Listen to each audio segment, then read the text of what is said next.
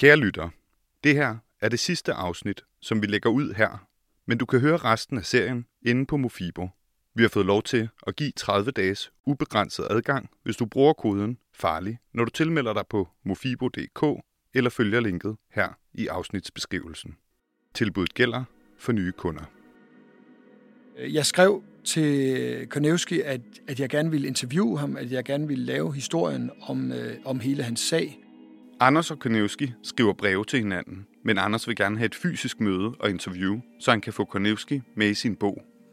Han skrev jo utrolig høfligt tilbage, og han kender jo øh, min far, så han bad mig hilse ham, og han ville, øh, han ville også gerne have besøg af mig, men han ville ikke, øh, han ville ikke medvirke i interview, fordi det var han blevet rådet til ikke at gøre.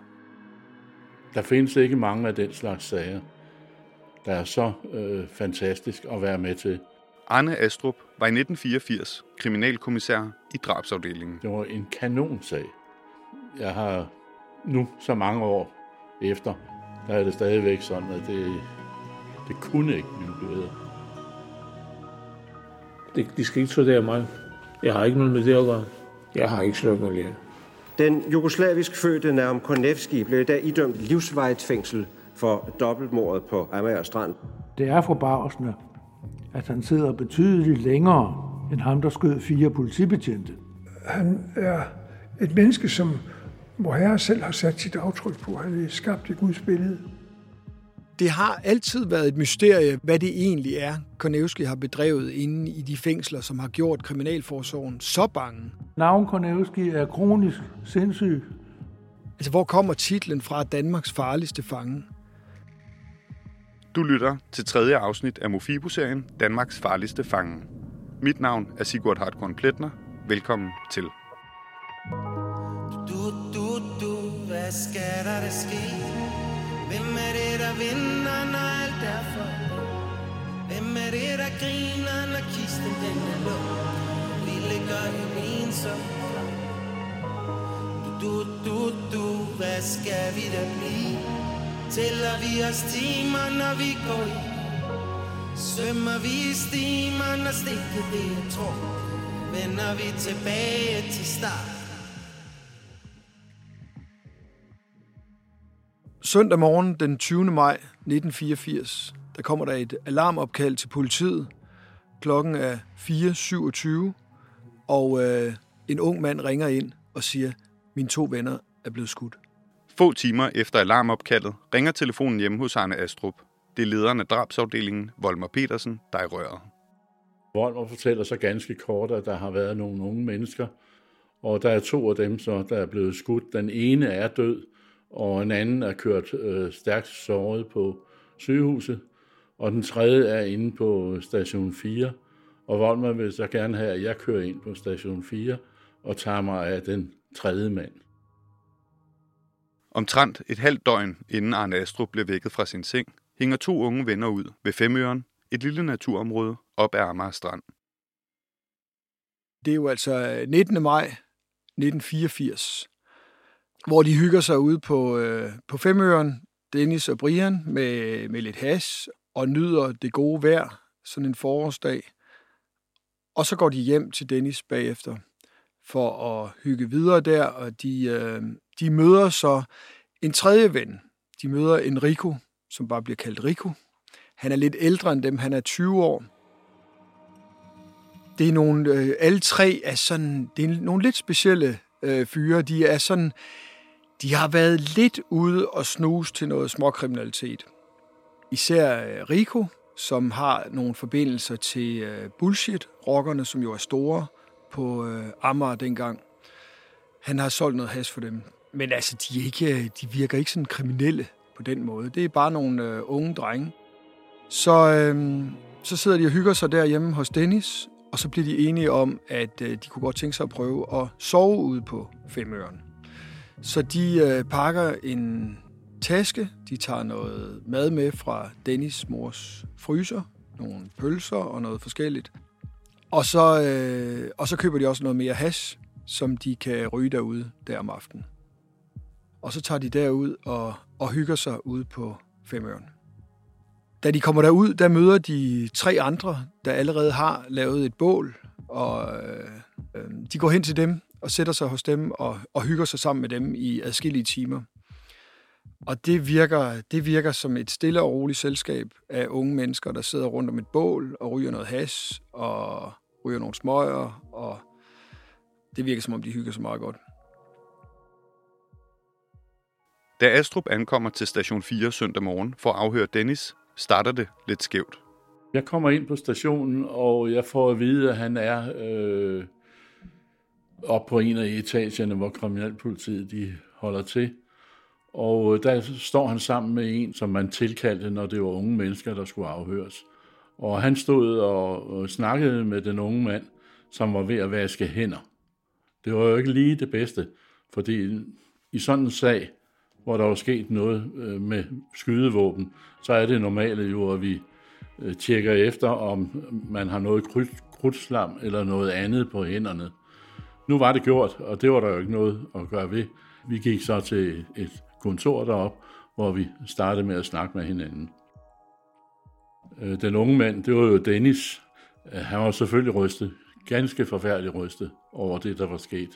Øh, jeg lagde straks mærke til, at han havde nogle prikker øh, på armene, sådan ligesom øh, krudtslam eller noget i den stil, havde lavet nogle prikker på armen, og han havde faktisk også nogen op i nakken, ret tydeligt og så videre. Men vi gik hen, og så startede vi med at, han fortalte, fortalte om, hvad der var sket derude, at øh, de her tre venner, øh, Brian og Enrico, de havde været derude, fordi de ville hygge sig. Ude på natten, altså øh, i de sene timer, det har måske været ved, ved tretiden, to-tretiden, der går, øh, der går de tre andre tilbage, altså de går, eller de går hjem, de tre, som, øh, som vores venner her har mødt. Så nu er der kun Dennis og hans to venner, Brian og Rico, tilbage.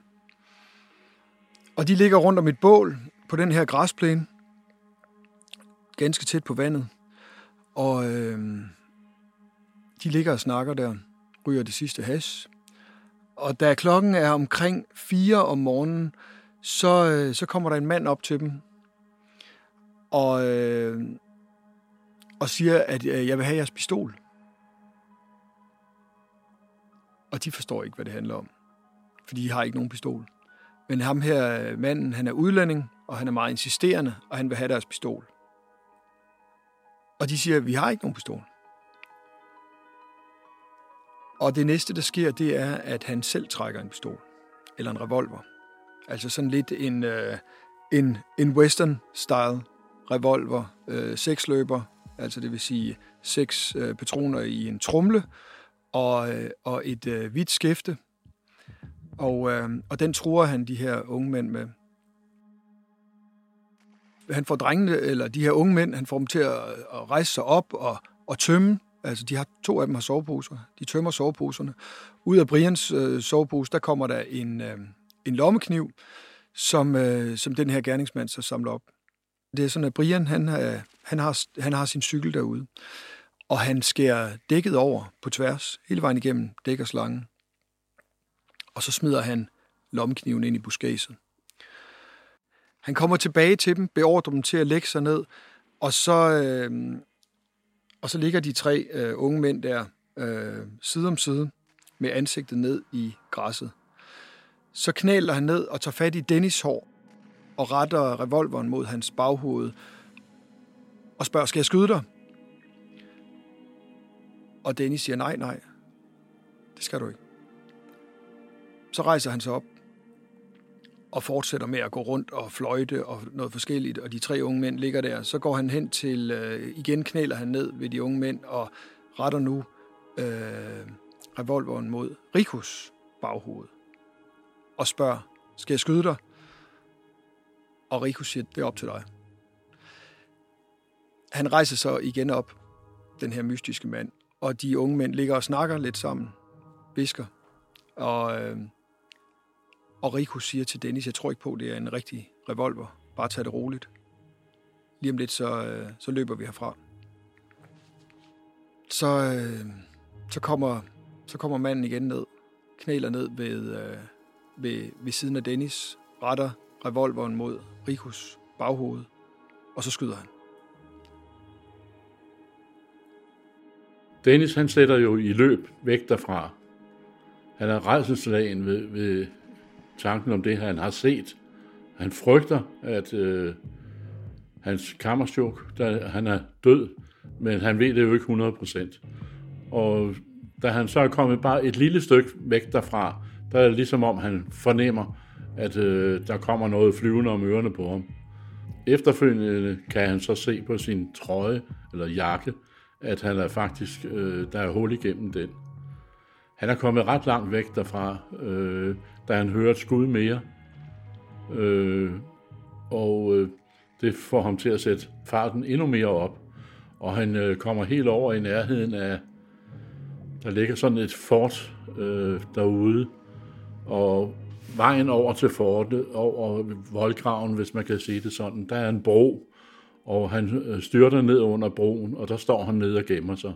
Og han står der ret lang tid. Da han øh, ligesom øh, tænker, nu, nu må jeg kunne kigge op, om der, hvordan der var ledes, kommer han op og øh, kan ikke se nogen omkring der. Og så går han over mod stedet lige så forsigtigt, og så kan han se, at de ligger der begge to. Den ene er han helt sikker på er død. Og så løber han derfra igen. Så tager han cyklen, og på den her cykel, den hopper han på. Han finder ud af, så den, den kører sgu ikke særlig godt mere. Men han øh, hopper op på cyklen alligevel og ruller afsted det bedste, han kan. Og kører over mod et, øh, et villakvarter, der ligger lige ved siden af. Så han ligger og kører rundt der efter, efter at finde et hus, hvor der er lys, så han kan alarmere politiet. Det lykkedes ham at få øh, kontakt til, til et ægtepar, i et, øh, der bor der på Rose Lillevej, ganske tæt på. Og, øh, og de lukker ham ind. De kan godt se, at den er helt gal. Og så ringer Dennis til politiet. Han siger, at mine to venner er blevet skudt. Inde på stationen øh, bliver jeg så klar over, jo, at der er en kniv derude, der er brugt i forbindelse med den her gerning, og gerningsmanden har fat i det. Så der sender jeg besked derud om, at man må have fat i nogle hunde, fordi øh, gerningsmanden har brugt kniven til at skære dækkene over på øh, den cykel, som øh, Brian har haft med derud. Og øh, man får også rekvireret nogle hunde til at gå ud og kigge i buskasset derude, og en af hundene øh, kommer så ud derfra med øh, kniven i munden. Der finder man så ud af, at der er nogle spor på den, som man kan bruge, hvis det er, at vi kommer med en gerningsmand. Rico, han overlever jo selve øh, skudepisoden umiddelbart, fordi øh, han kommer på han kommer på sygehuset og øh, bliver først erklæret død øh, efter klokken 9 næste morgen. Så han lever i øh, godt og vel fem timer, efter han er blevet skudt igennem hovedet. Brian er også blevet skudt på klodshold igennem hovedet, og han dør på stedet. Det er en yderst farlig person. Han må være forrygt og hensynsløs. Lederen af drabsafdelingen, Volmer Petersen, går ud til offentligheden samme dag. Dette siger jeg ikke for at øh, skræmme borgerne, men for at understrege alvoren i, at vi hurtigst muligt får opklaret sagen. Herefter går der en meget stor efterforskning øh, i gang hos politiet. Den her sag for højeste prioritet. Det er jo helt, helt usædvanligt at have to unge mænd, der, der er blevet henrettet på den måde. Fordi det er jo sådan, det ser ud. Henrettet ved, ved nakkeskud på klodshold. I drabsafdelingen her på Politigården har man hele dagen i dag arbejdet på højtryk med at tjekke henvendelser fra offentligheden. Hen imod aften var der stadig ingen henvendelser, der havde givet resultat i retning af opklaring af forbrydelsen. Indtil nu har politiet kun den 16-årige Dennis forklaring og støtte sig til. Politiet gjorde, altså, de gjorde alt, hvad de kunne for at få den her sag opklaret i en fart. Det var en sag, der havde stor opmærksomhed i medierne. Der, den trak jo forsider. Der blev snakket om det. Folk var opskræmte, bange. For, altså, fordi det her med at have et motivløst dobbeltdrab, der rammer to helt unge, som ikke har gjort noget som helst. Det, det opskræmmer jo befolkningen. Og det er altså Astrups afhøringer af Dennis, der er helt afgørende for, at politiet får indsnævret, hvem de skal lede efter. Og det første politiet har at gå efter, det er jo signalementet. Altså de ved, at det er en udlænding, de leder efter. De ved, at det er en, der taler gebrokken dansk. Og så har de også beskrivelsen af gerningsvåbnet. Dennis bliver den 20. maj slæbt gennem timelange forhør af Astrup, selvom han ikke har sovet hele natten, har oplevet sine to kammerater blive likvideret og næsten selv er blevet skudt. Og de efterfølgende dage er Dennis den eneste og vigtigste kilde for drabsafdelingen. Når man viste ham nogle billeder af nogen, som vi havde fået fiduser på, hvis man kan sige det sådan, øh, så kunne han sige for eksempel, nej, nej, det der, det er jo en dansker. Det skal være en udlænding, og det skal være en, altså, pakistaner, jugoslav eller noget i den stil. Og signalementet af drabsmanden er det vigtigste spor, sammen med fingeraftrykkene fra Brians kniv, hvis de altså er gode nok. Når man siger, at et fingeraftryk er et virkelig godt fingeraftryk, så skal der være 10 punkter, som man kan tjekke. Det kunne man ikke på de spor, der var derude. Der kunne man kun spore seks øh, rigtige spor, gode spor, og så nogle diffuse, men altså ikke nok. Men altså, de sagde fra øh, Centralbyråets side, da de havde kigget på det, at når man kom med en person, så ville de kunne sige, om det var hans fingeraftryk. Så øh, det næste politiet gjorde, det var jo, at de, de, øh, de kastede det helt store net ud, for at se, om det her øh, kunne være, om gerningsmanden han boede på Amager et eller andet sted. De fik simpelthen et træk fra, øh, altså politiet fik et træk fra Indrigsministeriet på øh, alle udlændinge, der bor på Amager. Vi var jo nødt til at, at, at gøre et eller andet, øh, og det gjorde, at vi fik øh, låning på personale nede i det, der hed beredskabsafdelingen. Der lånte vi rigtig mange øh, uniformerede til at komme op og hjælpe os. Og det var fordi, at vi begyndte med at indkalde udlændinge fra Amager, som, øh, som vi gerne ville rulle fingrene på, altså se efter, om de, de kunne matche det fingeraftryk, vi havde derude fra. Så jeg tror, der kom en halvanden hundrede stykker hver dag. Der var flere tusind, der boede på Amager på det tidspunkt. Og så blev de simpelthen samtlige øh, udlændinge, der boede på Amager, de fik et brev fra politiet, hvor de blev, øh, de blev bedt om at komme ind på politigården og afgive fingeraftryk og en forklaring på, hvor de var på det tidspunkt, hvor øh, dobbeltdrabet fandt sted.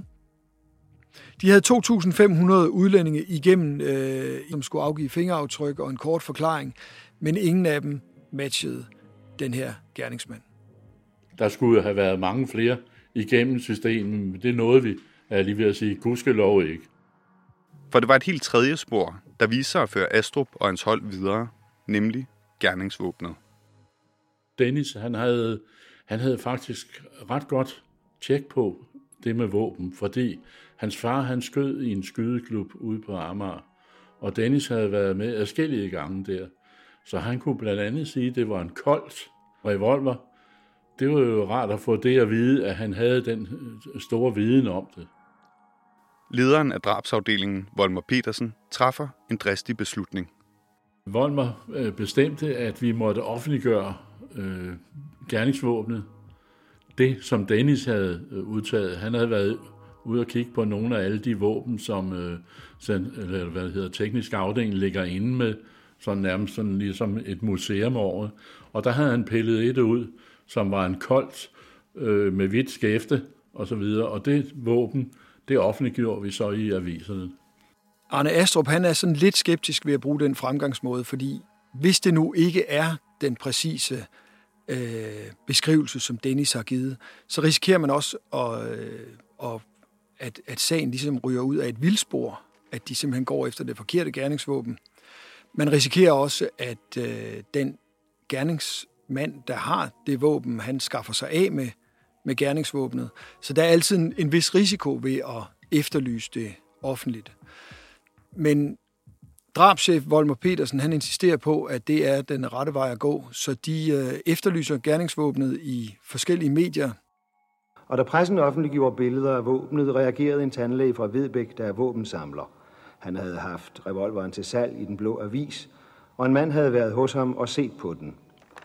Kort efter var revolveren blevet stjålet ved et indbrud i hans hus.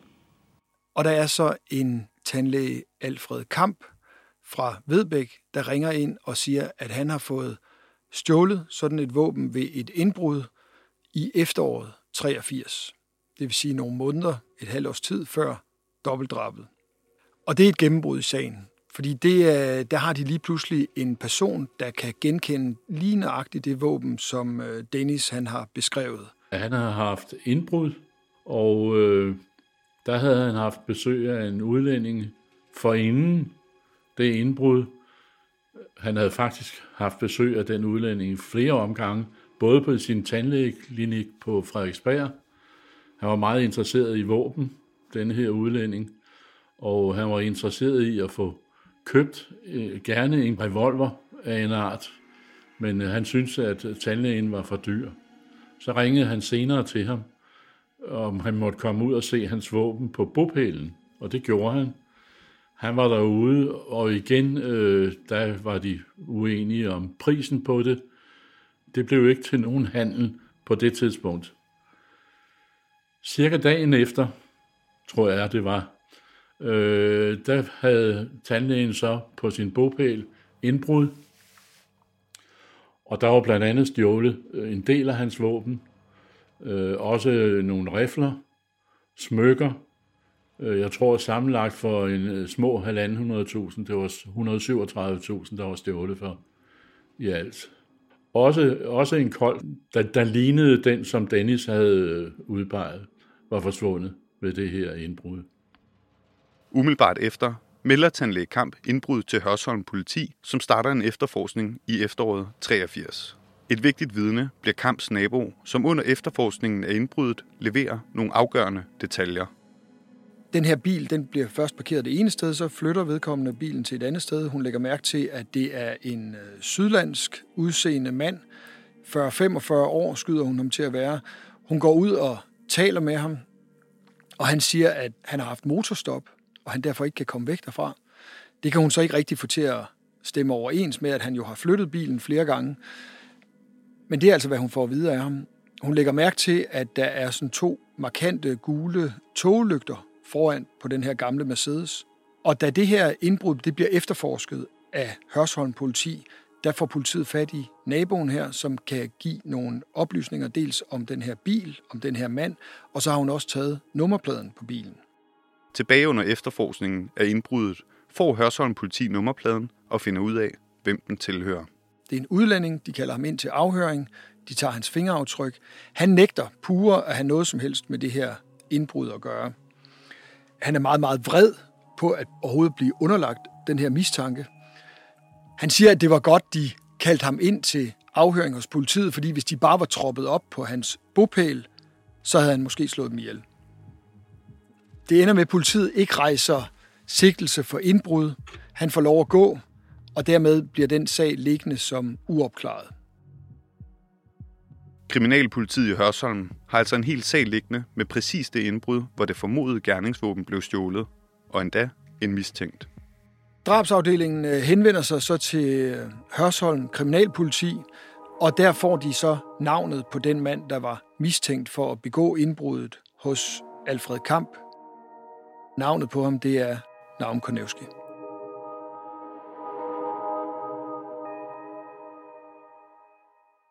Anders udveksler fast breve med Konevski, men lærernes accept er stadig afgørende for, at Anders kan komme på besøg og få Konevskis udlægning. Altså lægerne på Sankt Hans, de har hele tiden ikke ønskede at mødes med mig, selvom jeg på det tidspunkt havde haft en øh, brevkorrespondence gennem længere tid med, med Konevski, så var lægerne på Sankt Hans helt afvisende i forhold til at mødes med mig. Altså normalt kan man jo drikke en kop kaffe med sådan nogle folk, og, og lige øh, de kan mærke, hvor, hvor seriøs man er med projektet, og hvad man egentlig har af tanker omkring det. Jeg kan høre lidt om, hvad, hvilke tanker gør de sig, og er der nogle bekymringer, de har, som jeg måske kan gøre til skamme ved at, ved at sige, at det er slet ikke det, det handler om, eller sådan noget. De ville overhovedet ikke mødes med mig.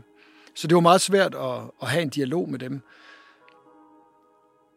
Efter, øh, efter Bjørn Elmqvist øh, siger, at okay, i forhold til fordele ved, at han forbliver skjult for offentligheden og ulemper ved, at han står frem, så mente han, at det nu, øh, altså argumenterne for, at han skulle stå frem, de faktisk vejede tungest i forhold til, øh, til hans klients muligheder for, for at forklare sig, og, og hans rimelige øh, ønske om at afgive sin forklaring til befolkningen. Så han synes ligesom, at nu tippede vægtskålen, fordi der var gået så mange år, og øh, Bjørn Elmqvist, han mener jo, at sagen simpelthen bare bliver trukket bevidst i langdrag af myndighederne. Altså han, han mener jo nærmest, det er en slags chikane af hans klient. Så på det tidspunkt var der bare gået så mange år, at Bjørn Elmqvist sagde til mig, okay, så, så bare lad ham stå frem. Arne Astrup og drabsafdelingen har nu Naum Konevskis navn på bloggen. Som manden, der har stjålet pistolen med det hvide skæfte, men er det overhovedet gerningsvåbnet? Da politiet havde navnet Konevski, så havde de også en hovedmistænkt i sagen. Men, men de havde jo langt fra materiale til, at han nogensinde skulle kunne blive dømt for det her. Så skulle man jo prøve at se, om man kunne finde ud af, om det var det våben. Og man spurgte jo blandt andet Kamp, har du skudt med det? Og hvorhen havde du skudt? Jamen, han havde skudt op i Søllerød Nærum øh, Skytteklub. Der havde han været ude og skyde med det. Og så er det sådan, når man skyder med, med øh, sådan et våben på en skydebane, så skyder man ind i sådan et kuglefang. Og øh, der var man ude, der var politiet ude for at, at se, om man kunne sikre nogle af de der projektiler. Og, øh, og det er jo et kæmpe arbejde. De slæber jo rigtig, rigtig mange øh, patroner, affyrede patroner, øh, ind øh, fra, fra den her skydebane. Jeg kan ikke lige huske nu, øh, hvor mange sække det var. Jeg tror, det var noget med ni sække, vi øh, kom hjem med af kuglefang øh, med projektiler og sådan noget, som man måtte igennem med på teknisk afdeling. Man havde jo fundet nogle øh, kugler ude på gerningsstedet derude på Femøren. Og dem kunne man sammenligne med det, man fandt i kuglefanget deroppe. Simpelthen putte dem i et mikroskop, og så se, om det er de samme riser, de laver på kuglen.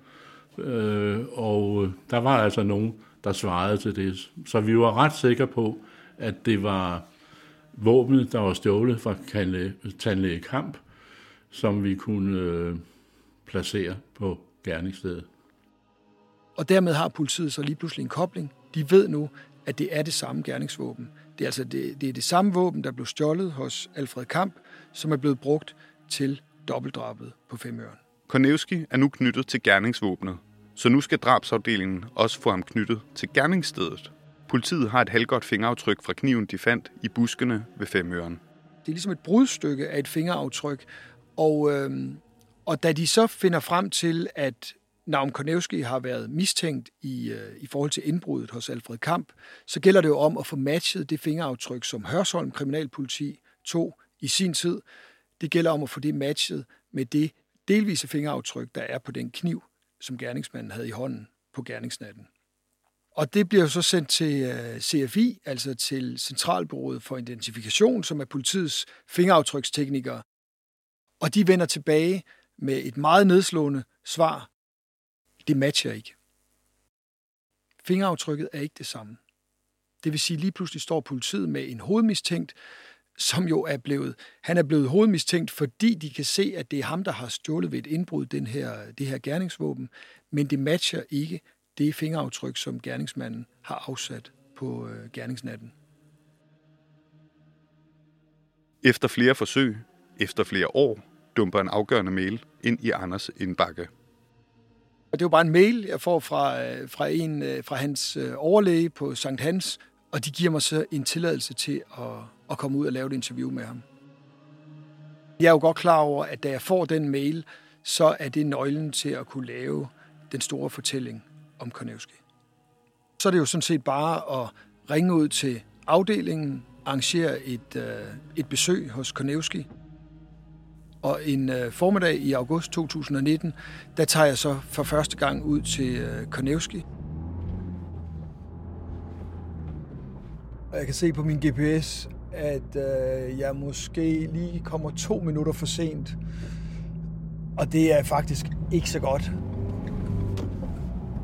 Jeg har en forestilling om, at fordi jeg har været journalist i mange år, så kan jeg få ham til at fortælle, om han er skyldig eller ej. At jeg kan få ham til at erkende, at han har gjort det, han er dømt for. Og jeg ved godt, det er en, øh, det kan lyde lidt naivt, men om ikke andet, så kan jeg i hvert fald få ham til at fortælle det mellem linjerne, så jeg ved med mig selv, om han har gjort det eller ej. Hallo? Ja, hej. Det er Anders Lumholdt. Ja, kom ind for. Tak skal du have.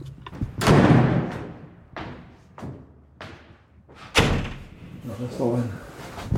På den anden side af glasdøren.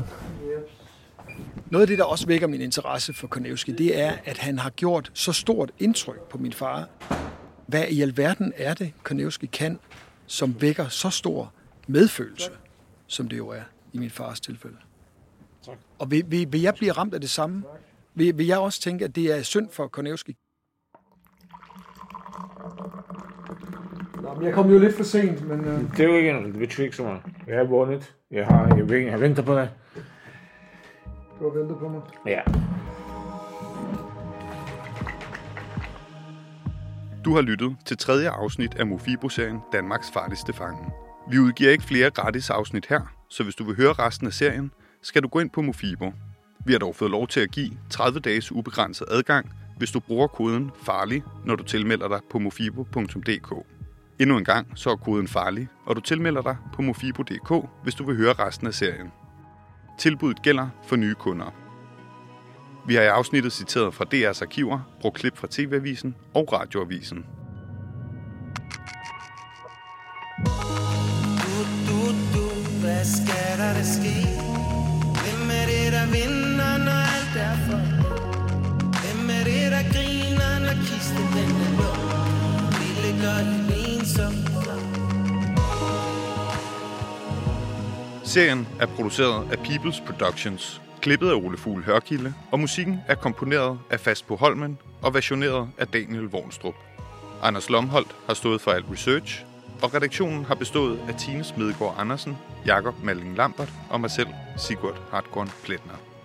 Tak, fordi du lytter med.